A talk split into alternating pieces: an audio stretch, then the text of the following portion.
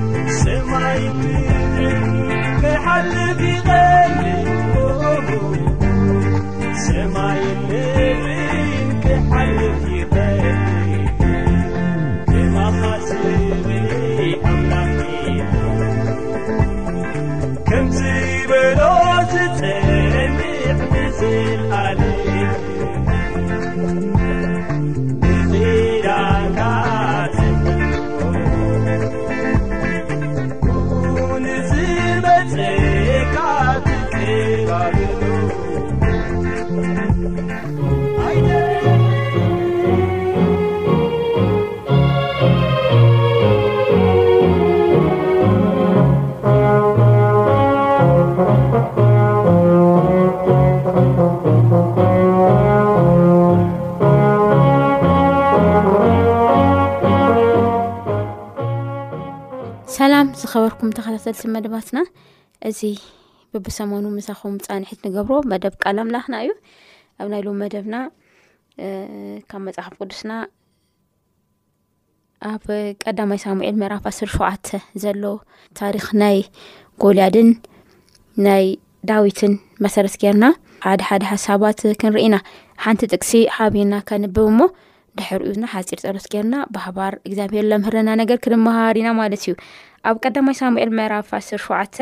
ፍቅዲ ዓሰርተ ሓደ ከምዚ ይብል ሳኦልን ብዘሎ እስራኤልን እዚ ዘረባ እዚ ፍልስጤማዊ ምስ ሰምዑ ኣዝዮም ፈርሁን ተሸበሩን ይብል ፍርሂ ብዛዕባ ፍርሂ ኢና ሎማዓንቲ ሓቢርና ክንርኢ እግዚኣብሔር ለምህረና ገር ቅድሚ ምምሃርና እሲ ኣሕፂር ፀሎት ንገብር ጎይታና መድዓኒና ኣቦና መዕቆቢና መንበሪና እግዚኣብሔር ኣብ እግዚኣብሔር ወልድ እግዚኣብሔር መንፈስ ቅዱስ ኣሃዶ ኣምላኽ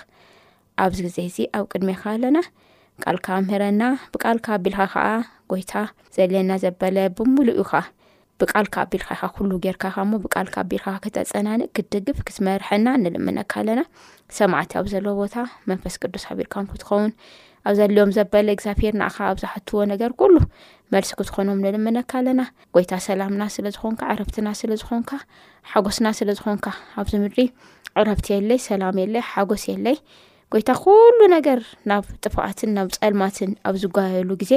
ምሳኻ ብምንባርና ስለ ዝረኸብናዮ ፀጋ ኩሉ ተመስገን ኣይትፈለየና ምሳና ኹን ሰማዕቲ ኣብ ዘለዎ ቦታ ጎይታ ፀጋኻን ምሕረትካን ለውሃትካን ፍቕርኻን ሃቢርዎም ይኹን ብወድኻ ብመድዓኒና ብኢየሱስ ክርስቶስ ሽም ኣሜን። ህራይ ዝኸበርኩም ሰማዕቲ ብዛዕባ ፍርሂ ክንርኢ ከለና ፍርሂ ብበዓሉ ዝኾነ ማለት ውሽጥኻ ፅቡቅ ዘይኮነ ስምዒት ማለት እዩ ካብ ዓይነታት ስምዒት ሓደ እዩ ንቅድሚት ዘሎ ነገር ንድሕሪት ዘሎ ነገር ንየማን ንፀጋም ርኢኻ ኣብ ውሽጥካ ዝስማዕ ስምዒት እዩ እቲ ፍርሒ ማለት እዩ እና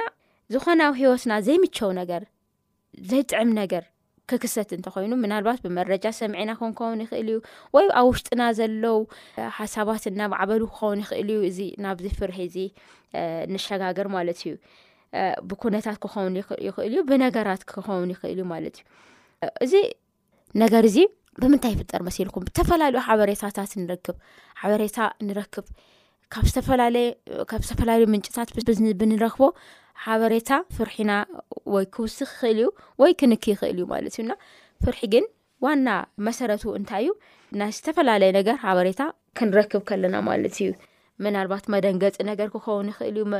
ብጣዕሚ ዩ ከዓ ዘተሓሳስብ ነገር ክኸውን ይኽእል እዩ እሱታት ክንእክብ ከለና ኣብ ውሽጥና ዝፍጠር ስምዒት እዩ ማለት እዩ ሕዚ እዚ ፍርሒ እዚ ብክልተ መንገዲ ንትርጉም ንኽእል ኢና እቲ ሓደ ጥንጥን ኣቢልካ ክትጎይ ካብቲ ፍርሒ ክተምልጥ ክተምልጥ ትጎይሉ እዚ ስብእና ኣብ ስብና ስብእና ውሽጢ ካብቲ ፍርሒ ክተምልጥ በቃ ዝተፈላለዩ ነገራት ስላሃገበርካ ዝፀጥ ክተብሎ ማለት ፀጥ በሊልካ ኣብ ውሽጢ ካሒስካ ትጓየዮ ነገር ኣሎ ሓደ እዚ ብከምዚ ክትርጎም ይኽእል እዩ ከም ዘሎ ምሳኻ ትፍርሒ ምሳኻ እናሃለየሲ ንኡ ንምምላጥ ንኡ ንምግዳፍ በቃ ፃዕሪ ምግባር ማለት እዩ እቲ ካልኣይ ከዓ ትፍርሒ ማንኛውም ነገር ይኹን ቅድሚት ገፅ ንገፅ ነቲ ፍርሒ ተቃሊስካ ካው ስዒርካ ምውፃእ ማለት እዩ ክልተ ካብዘን ብዘን ክልተ ነገራት እዩ ፍርሒ ዝትርጎም ማለት እዩ እቲ መረጃ ግን ካብ ውሽጥና ክኸውን ይኽእል እዩ ካብ ደገ ናብ ውሽጢ እውን ክእከብ ይኽእል እዩ እቲ ዝተፈላለየ ሓበሬታታት ዝበልናዮ ማለት እዩ ሕዚ እቲ ሓበሬታ ኣብ ላኣከብናዮ ቁፅሪ ኣብ ውሽጥና ዝተፈላለዩ ነገራት እናተፈጠሩ ይኸዱ ካብኡ ፍርሒ መጠን ፍርሒና ወይ እናወሰኸ እናወሰኸ እናወሰኸ ይኸ ሞ ላውለ ይኾን ነገር ክወስደና ይኽእል እዩ ወይ ከዓ ኣይ እዚ ነገር እዚ ብደንብ ገይረ ተቃልሰ ብደንብ ገይረ ኣትየሲ ክወፅን እየኒ ኢልካ ኣትኻ ከዓ ብብዙሕ መከራ ብብዙሕ ሽክር ድሕር ብዙሕ ቃልሲ ነቲ ፍርሒ ትእወት ትኽእል ኢኻ ማለት እዩ እዚ ንፍርሒ ዘለና ኣመለኻኸታ ንምግላፅ እዩ እቲ ናይ ውሽጢ ዝስምዐና ስምዒትሲ ንምግላፅ ዝተጠቀምክዎ ታሪክ እዩ ሕዚ ናብቲ ልበልኩኩም ኣብ ቀዳማይ ሳሙኤል ምዕራፍ ዓስር ሸዓተ ካብ ፈቐዲ ሓደ ጀሚሩ ዘሎ ዛንታ ክንካይድ ኢና ኣብቲ ዛንታ እሱ እንታይ ይብል እቲ ዋና ኣርእስቲ ዳዊትን ጎልያድን ይብል ማለት እዩ ዳዊትን ጎልያድን ይብል ማለት እዩ ሕዚ ኣብዚ ሰለስተ ዓይነት ሰባት ኢና ንረክብ እቲ ታሪክ ነዊሕ ስለ ዝኾነ ኣብዚ ኣነ ኣንብቦን ኣብ ኢድኩም ግን መፅሓፍ ቅዱስ ዘለኩም እቲ ዛንታ ዝርከብ ኣብ ቀዳማይ ሳሙኤል ምዕራፍ ዓስር ሸውዓተ ካብ ሓደ ጀሚሩ እዩ ዝንበብ ማለት እዩና ሓደ ሓደ ሓሳብ ግን ካብቲ ታሪክ ብዙሕ ግዜ ተነጊሩና ኢና ዓብና እቲ ዳዊትን ጎልያድን ብዝተፈላለየ መንገዲ ከም ኣመንቲ መፅሓፍ ቅዱስ ፈሊጥናዮ ዝዓበናዮ ታሪክ እዩና ካብኡ ዝተወሰነ ሓሳብ ክንርኢና ሕዚ ኣብቲ ዓዲሱ እንታይ ንዮ መሲልኩም ፍልስጠማውያን ኣሎ ከምኡ ከዓ እስራኤላውያን ኣሎ ሳኦል ናይ እስራኤል ንጉስ ኮይኑ ኣብ ዝነበረሉ ግዜ ዝኾነ ዛንታ እዩ እዚ እና ሳኦል ንጉስ ገይሩ እግዚኣብሄር ሾምዎ ብሳሙኤል ኣቢሉ ከም ዝተቐበዐ ኢና ንርኢ እግዚኣብሄር ምስ ቀበኦ ግን ሳኦል እቲ ናይ ንግስና ዘመኑ እግዚኣብሄር ዝሃቦ ክብሪ ብትክክል ንእግዚኣብሄር ተኣዚዙ ብምኻድ ካብ ምውሳድ ከም ዝተቆጠበ ኢና ንርኢ እግዚኣብሔር ዝኣዘዞ ገዲፉ ካልእ ካልእ ክገብር እሞ ካብኡ ድሕሪ ግን ብብዙሕ ኩናት ብብዙሕ መከራ ክሓልፍ ከሎ ኢና ንርኢ እሞ እዚ ቦታ እዚ ጎልያድ ዝስሙ ነይሩ ኣብቲ ፍልስጣውያን ሰፈር ማለት እዩና እዚ ጋት እዩ ኣዱ በዓል ጋት ይብሎ ጋት እዩ ኣዱ ማለት እዩና ሕዚ ሰብ እዚ ቁመቱ ነዊሕ እዩ ብጣዕሚ ነዊሕ እዩ ቁመቱ ቁመቱ ክንደይ ይብል መሲሉ ኩማውዚ ሽዱሽተ እመት ወይ ከዓ ስሪ ይብል ሽዱሽተ እመትን ስርን ዝቁመቱ ይብል ነዊሕ ብጣዕሚ ነዊሕ ዝኮነ ሰብ እዩ እዚ ሰብኣይ እዚ ተቃላሲ ከዓ እዩ ክብለና ከሉ እንታይ ይብል ካብ ብህፃኑ ጀሚሩ ብቃልሲ ማስተር ዝገበረ ና ቃልሲ ክእለት ዘለዎ ሰብ ከም ዝኮነ ኢና ንርኢ እዚ ሰብ እዚ ኣብ ርእሱ ከዓ ናይ ኣስራዝ ቁርዓ ርእሲ ከም ዝገበረ ቁርዓ ርእሲ ኣብ ርእሱ ከም ዝደፈአ ናይ ናይ ኣስራዝ ብረት ኣብ ርእሱ ከም ዝደፈ ንሪኦ ማለት እዩ ከምኡ ከዓ ተኸዲኑ ነይሩ እዩ ክዳን እውን ተኸዲኑ ሕዚ እውን ካብ ኣስራ ዝተሰርሐ ኪዳን ተኸዲኑ ከም ዝነበረ ኢና ንርኢ ከምኡውን ብ እውን ሕዚለ ኣብ እግሪ እውን ተጫምዩ ዝነበረ እቲ ጫማ ዝገበሮ ጫማ እውን ካብ ኣስራ ዝተሰርሐ እዩ ኣብ መንከቡ ከዓ እንታይ ተሸኪሙ ነይሩ ይብል ከምኡ ውን ብኣስራ ዝተሰርሐ ኣብ መንከቡ ፀይሩ ከም ዝነበረ ንርኢ ማለት እዩና እቲ ዝወግኦ ከዓ በሊሕ ዝኾነ ሕላሱ ሒዙ እዩ ነይሩ እቲ ሕላሱ ከዓ እንታይ ይል ብጣዕሚ ከቢድ እዩ ኣብ ልዕሊኡ ከዓ ኣብ ጫፉ ከዓ ከቢድ ብጣዕሚ መፍርሒ ዝኾነ ብረት ተሰርሕሉ ከም ዝኾነ ንርኢ ማለት እዩና ሕዚ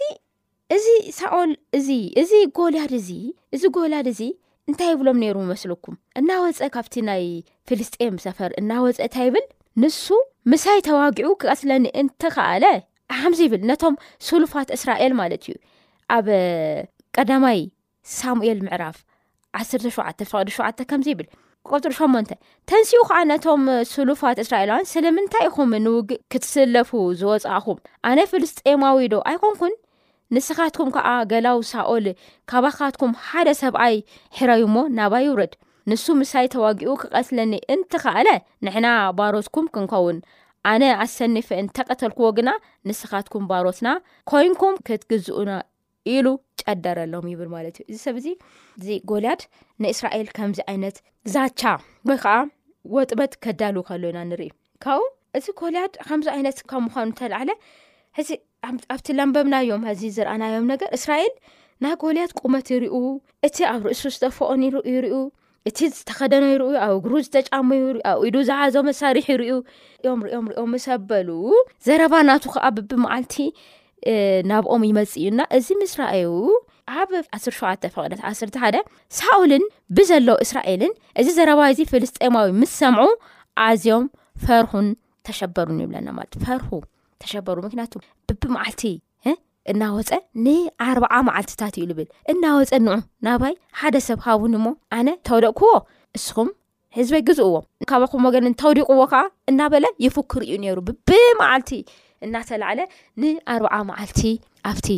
ናይ ኣውደ ኩናት ኩናት ኣይጀመሩን ርግፅ ግን ኩናት ከካይዱ ኢሎም በቲ በቲ ተሰልፎም ኣብ ዘለሉ ግዜ እዚ ሰብዚ ኣብ ማእኸል ንኣተየ ከምዚ ዓይነት ቃላት ከስምዕ ከሎ ኢና ንርኢ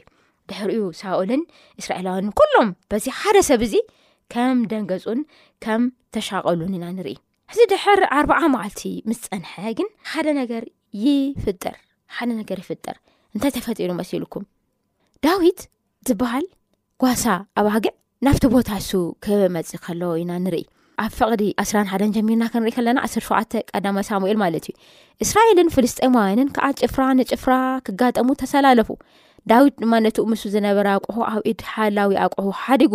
ናብቲ ሰልፊ ጎየ ፈቕዲ እስራ ጀሚርና ክንሪኢ ንፅብሒቱ ድማ ዳዊት ኣንጊው ተንሰአ ነተናባጊ ዓው ሓላዊ ሓዲጉ ከምቲ እሰይ ዝኣዘዙ እሰይ ኣብኡ ማለት እዩ ነቲ ፆሩ ኣልዒሉ ከደ። እቲ ክስለፍ ዝወጸ ሰራዊት ንውግእ ክጭድር ከሎ ድማ ንሱ ናብ ሰፈር ሰረገላታት መጸ። ኣብታ ሰዓት እሳ ፍልስጤማዊ ላ ተላዕለ። እቲ ክስለፍ ዝደለየ ሰራዊት ለ እናጨደረ ቦታ ቦታ ክሕዝ ከሎ ኣብታ ሰዓት እሳ ዳዊት ናብቲ ቦታ እሱ ከም ዝበጽሐ ኢና ንርኢ። ብድሕሪኡ ዳዊት ይሰምዕ እዩ ነይሩ፣ ጸጢሉ ይሰምዕ ነይሩ። ደሓር እንተ ተፈጢሩ እቲ ጎልያድ ከምቲ ዝለመዶ ንኣርብዓ መዓልትታት ንከፈራርሕ ክእዊ ከምዝግበሩ እናበለ ላዓሊ ታሕቲ እናበለ ይወራዘይ ነይሩ እዩ ሕዚ እውን ከምቲ ልሙድ ክወራዘይ ከሎ ኢና ንርኢ ዳሓረ ግን ዳዊት ከምዚ ክብል ከሎ ንርኢ ዳዊት ድማ ነቶም መስኡ ደው ኢሎም ዘለዉ ሰባት እዚ ንሰራዊት ህያው ኣምላኽ ዘባጩ ዘሎ ዘይግዙር ፍልስጤማዊ እዚ መን ኮን እዩ ነዚ ፍልስጤማዊ እዚ ቀቲሉስ ካብ እስራኤል ውርደት ዘርሕቕ ሰብኣይካ እንታይ ይግበሮ ኢሉ ተዛረቦም። እቲ ህዝቢ ከኣ ነቲ ዝቐትሎ ሰብኣይ ከምዚ ይግበሮ ኢሎም ከም ተን ቃላት ገይሮም መለስሉ። እዚ ታሪክ ኣብቲ ካይና ክንርኢ ከለና ነቲ ንጉስ ነዚ ሰብ እዚ ዝቐተለለይ ሰብ ጓለይ ክህቦ እየ ካል ካብ ዘለኒ ንብረት ኩሉ ከም ማቕሎ እየ እናበለ ብዙሕ ነገር ክዛረብ ጸንሑ እዩ ሳኦል ኣብቲ ቦታ እሱ ካብ ዳዊት እዚ ይሰምዕ ማለት እዩ ካብ ዳዊት ቀጥታ ናብ ሳኦል ከም ዝወሰድዎ ኢና ንርኢ። ዳዊት ንእሽተን ቆልዓ እዩ ነይሩ ሽኡ ግዜ ኣብ ሰብ ዓይኒ ዘይኣቲ ኣብ በረኻ ኣባጊዕ ዝጓሰይ ከም ዝነበረ ኢና ንርኢ ግን ኣሕዋቱ ኣብቲ በረኻ ስለ ዝነበሩ ዓበይቲ ኣሕዋቱ ኣብቲ ውግእ ስለ ዝነበሩ ኣቦኡ ንኦም ስንቅባ ኣብፀሐሎም ኢልዎ ከም ዝኸደ ኢና ንርኢ ኣለናና ናብ ሳኦል ከም ዝወሰዱ ኢና ንርኢ ካብኡ ዳዊት ከምዚ ኢሉ ንሳኦል ተናጊሩ ሳኦል እንታይ ኢልዎ ንዳዊት እስኻ ቆልዓ ኢኻ እዚ ሰብ እዚ ኣብ ውግእ ሳይንስ በቃ ልምድ ዘለዎ ሰብ እዩ ካብ ብህፃኑ ዘሚሩ ተዋግኣ እዩ ሓያል እዩ እዚ ስንኣኻ ዝኸውን ኣይኮነን ኢሉ እቲ ሳኦል ተገሪሙ ኣብ ና ዳዊት ነገር ክነግሮ ከሎ ኢና ንርኢ ካብኡ ግን ዳዊት ከምዚ ኢሉ ይብል ኣብ ምዕራፍ 1ሸተ ፍቕዲ 36 ገሊያኻ ኣንበሳን ድቢ ንቀት ኢሉ እዩ እዚ ዘይጉዙሩ ፍልስጠማዊ እዚ ከዓ ንሰራዊት እቲ ህዮ ኣምላኽ ፀሪፉ እዩ እሞ ከም ሓደ ካብኣትኣቶም ክኾኑ እዩ በሉ ዳዊት ድማ እቲ ካብ ኢድ ኣንበሳ ካብ ኢድ ድብኒ ዘድሐነኒ እግዚኣብሄር ንሱ ካብ ኢድ ዝፍልስጣማዊ እዚ ከድህነኒ እዩ በለይ ማለት እዩ ካብቲ ካብ ድቢ ካ ኣንበሳ ኣነሲ ንኡስ ከለኹሲ ምስ ድቢ ምስ ኣንበሳ ይቃለስ ኣባግዒ ክበልዑ ልመፁ ኩሎም ወቅዐ ይድብርዮም እየ እሞ ሽዑሲ እግዚኣብሄር ምሳይ ነይሩ እዩ ሎሚ ከዓ ካብዚ ሰብ እዚ እግዚኣብሄር ከድህነና ኢሉ ሙሉእ እምነቱ ኣብ እግዚኣብሄር ክገብር ከሎኢና ንርኢ ብድሕሪኡ ሳኦል እቲ ዝኣመንካዮ እግዚኣብሄር ምሳኻ ይኹን ኢሉ መሪቑ ክሰዶ ክእሉ ኢና ንርኢ ኣብቲ ዛንታ እብን ክንርኢ ከለና እንታይ እኒኦ መሲልኩም ዝኸበርኩም ስድራ እግዚኣብሄር ሳኦል ሲ ነቲ ናቱ ክዳን ነቲ ናቱ ጫማ እቲ ንእሱ ዝሕዞ ነገር ኩሉ እንካ ኢሉ ከም ዝኸደኖ ኢና ንርኢ ዳዊት ግን እሱ ኣይለመደን እሱ ዝለመዶ ነገር ወንጪፍ ገይሩ እምኒ ገይሩ ሙቃዕ ጥራሕ እዩና ኣይ እዚስ ንኣይ ኣይኮነኒ ኢሉ በታ እግዚኣብሄር ብዘለማመዶ መንገዲ ናብቲ ሰብ እዚ ከም ዝኸደ ኢና ንርኢ እሞ ኣብዚ ሓደ ዓብዪ ነገር ንመሃሮ ነገር እኒኦ ደቂ እግዚኣብሄር ምናልባት ሎሚ ጎልያዳትና ብዙሓት ክኾኑ ይኽእሉ እዮም ካብ ውሽጥና ዘፍርሑና ነገራት ኣብ ውሽጥና ብዙሕ ነገራት ተኣኪቦም ተኣኪቦም ተኣኪቦም ድሓደ መውፅኢ እስካብ ንስእን ኣፅቢቦምልና ኣብ ፍርሒ ለለና ንህሉ ኢና ንኸውን ኣብ ፍርሒ ዘለና ኣለና ከዓ ምክንያቱም እዛ ምድሪ እዚኣ ኣዝያ በቃ መፍርሂት እያ ኮይና እኒኣ ዘሎሚ ብዙሕ ዝፍጠር ነገር ዝስማዕ ነገር ዝግበር ነገር ኩሉ እግዚኣብሄር ብዝፈልጦ እግዚኣብሄር ኣብ ልዓሊ ኣብ ዝፋኑ ኮይኑ ብዝርዮ መንገዲ ኣዝዩ መፍርሒ ግዜ ኮይኑ እዩ ኢሉና ከዓ ኢሉ ኣብቲ መወዳእታ ዘመን ሲ መፍርሒን መጨነቕን ዝኮነ ዘመድ ክመፅእ ኢሉና እዩ ካብ ዝተላለ መፍርሒ ግዜ ኢና ኒና መጨነቂ ዝኮነ ግዜ ኢና ኒና ዝኸበርኩም ሰማዕቲ እሞ ካብኡ ዝተላዓለ ከዓ ዝተፈላለዩ ነገራት ምእክብ ነቲ ፍርሒና ንፈንፂሒና ክንወፅእ ማለት እዩ ካብ ዳዊት ካብ ጎዳዲ ግን ካብዚ ታሪክ እዚ ንመሃሮ ነገር ኣሎ ማለት እዩ ሎሚ ብዝተፈላለየ መንገዲ ኣብ ፍርሂ ተዋሒጥና ዘለና ብዙሓት ኢና ምናልባት ናይ ውልቀና ጉዳይ ናይ ውሽጥና በቃ ምስ ውሽጥና ኮይኑዎቦ ብፍርሒ ዘርእደና ከምበርክከና ዝደሊ ብመዓልቲ ኣብ ቅድሜና እናመፀ ሓሳብ ዝኾነና ነገር ይህሎና እዩ ንኡ ከዓ ክንስእር ከዓ ዝተፈላለዩ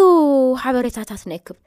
ንእክብ ሓበሬታታት ኣእምሮና ዝሃቦ ሓበሬታ ክኾን ይኽእል እዩ ካብ ደገ ዝመፅእ ክኸውን ይኽእል እዩ ሓበሬታ ንእክብ ምናልባት ብስድራ ዝተልዓለ ብቤተሰብና ዝተልዓለ ዝተፈላለዩ ዘጨንቑና ዘፍርሑና ነገራት ይህሉ ንኦምን ክንስእር ከዓ ዝተፈላለዩ ሓበሬታ ንስእረሉ ንሓልፈሉ እቲ ንእክቡ ሓበሬታ በዓሉ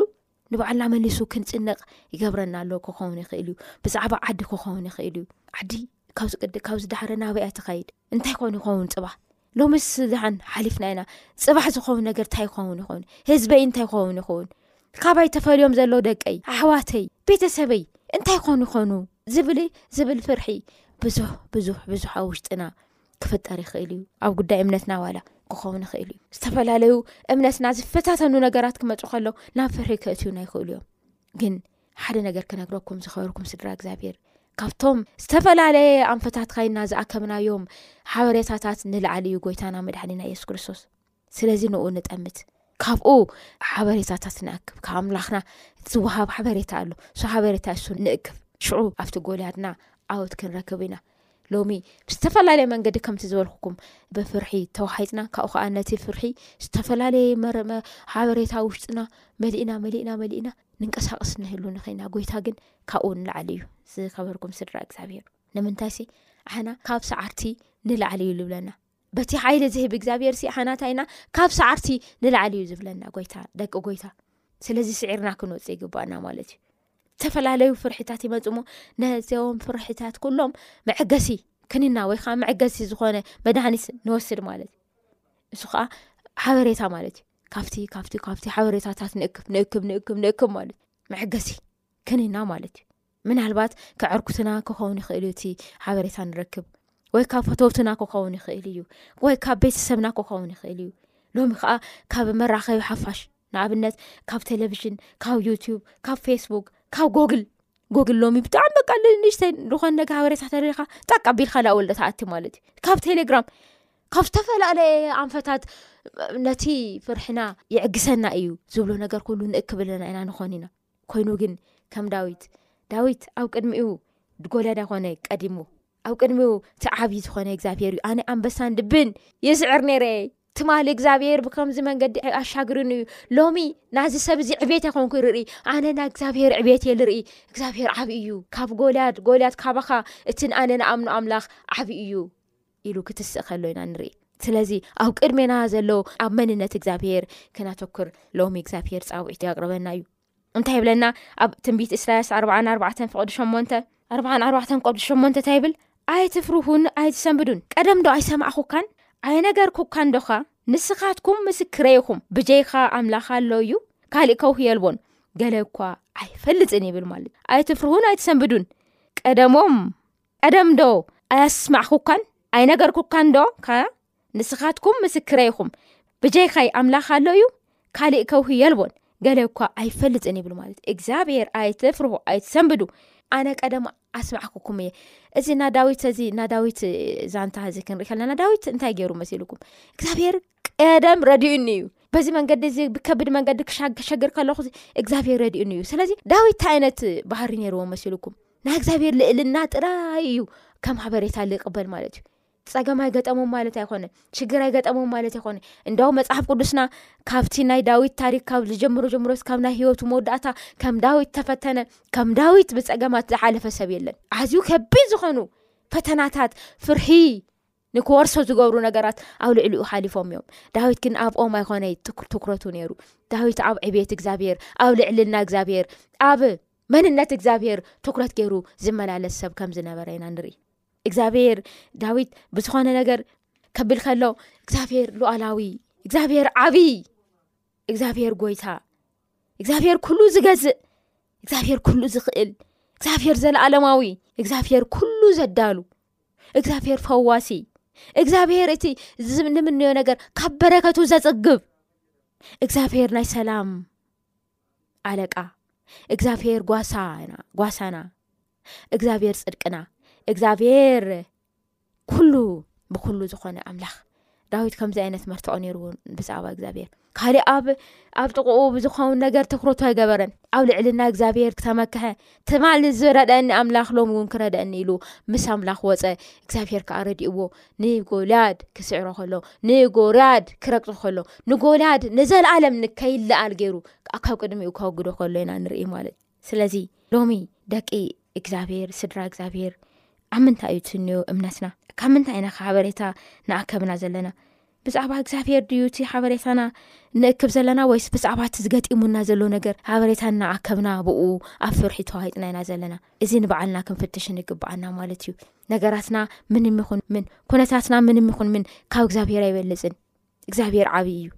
ክንሃልፍ ንኽእለሉ ፀጋን ሓይልን ሂበና እዩ ስለዚ ሎሚ እንታይ ክብለኩም እየደሊ ኣብ ዕብየት እግዚኣብሄር ትኩረት ንግበር ኣብ ኩሉ ኣብ ክእለት እግዚኣብሔር ትኩረት ንግበር ንእግዚኣብሔር ኩሉ ነገር ኣሕሊፍና ንሃብ እሱ ከዓ መሊሱ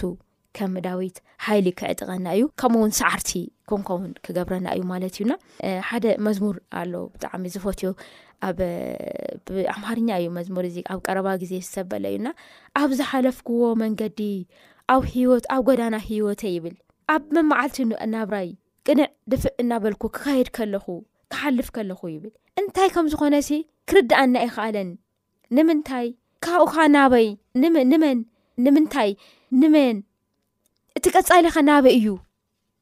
እናበልኩ ውሽጠይ ከሰላስል በዚ ኩሉ ነብሰይ ክትጭነቕ ከላ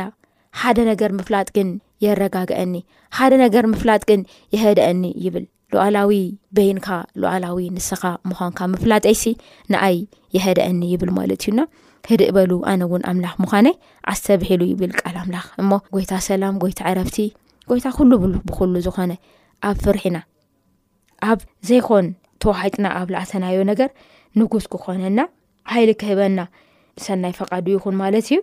መዝሙር እስራን ሸዓተን ሓደን ክልተን ኣንቢብና ናይ ሎሚ ሃሳብና ኣብዚ ክንዛዘም ኢና ከምዚ ይብል መዝሙር እስራን ሸዓተን ሓደን ክልተን እግዚኣብሄር ብርሃነይን መድሕነይን እዩ ካብ መን እየ ደኣ ዝፈርሕ እግዚኣብሄር ሓይሊ ህይወተ እዩ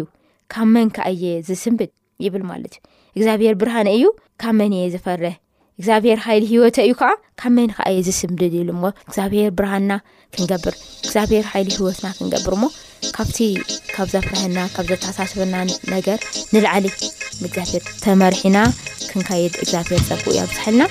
ኣብ ዝወፅን ብካሊእ ክሳብ ንራኸብ እግዚኣብሔር ምስኩላትና ይኹን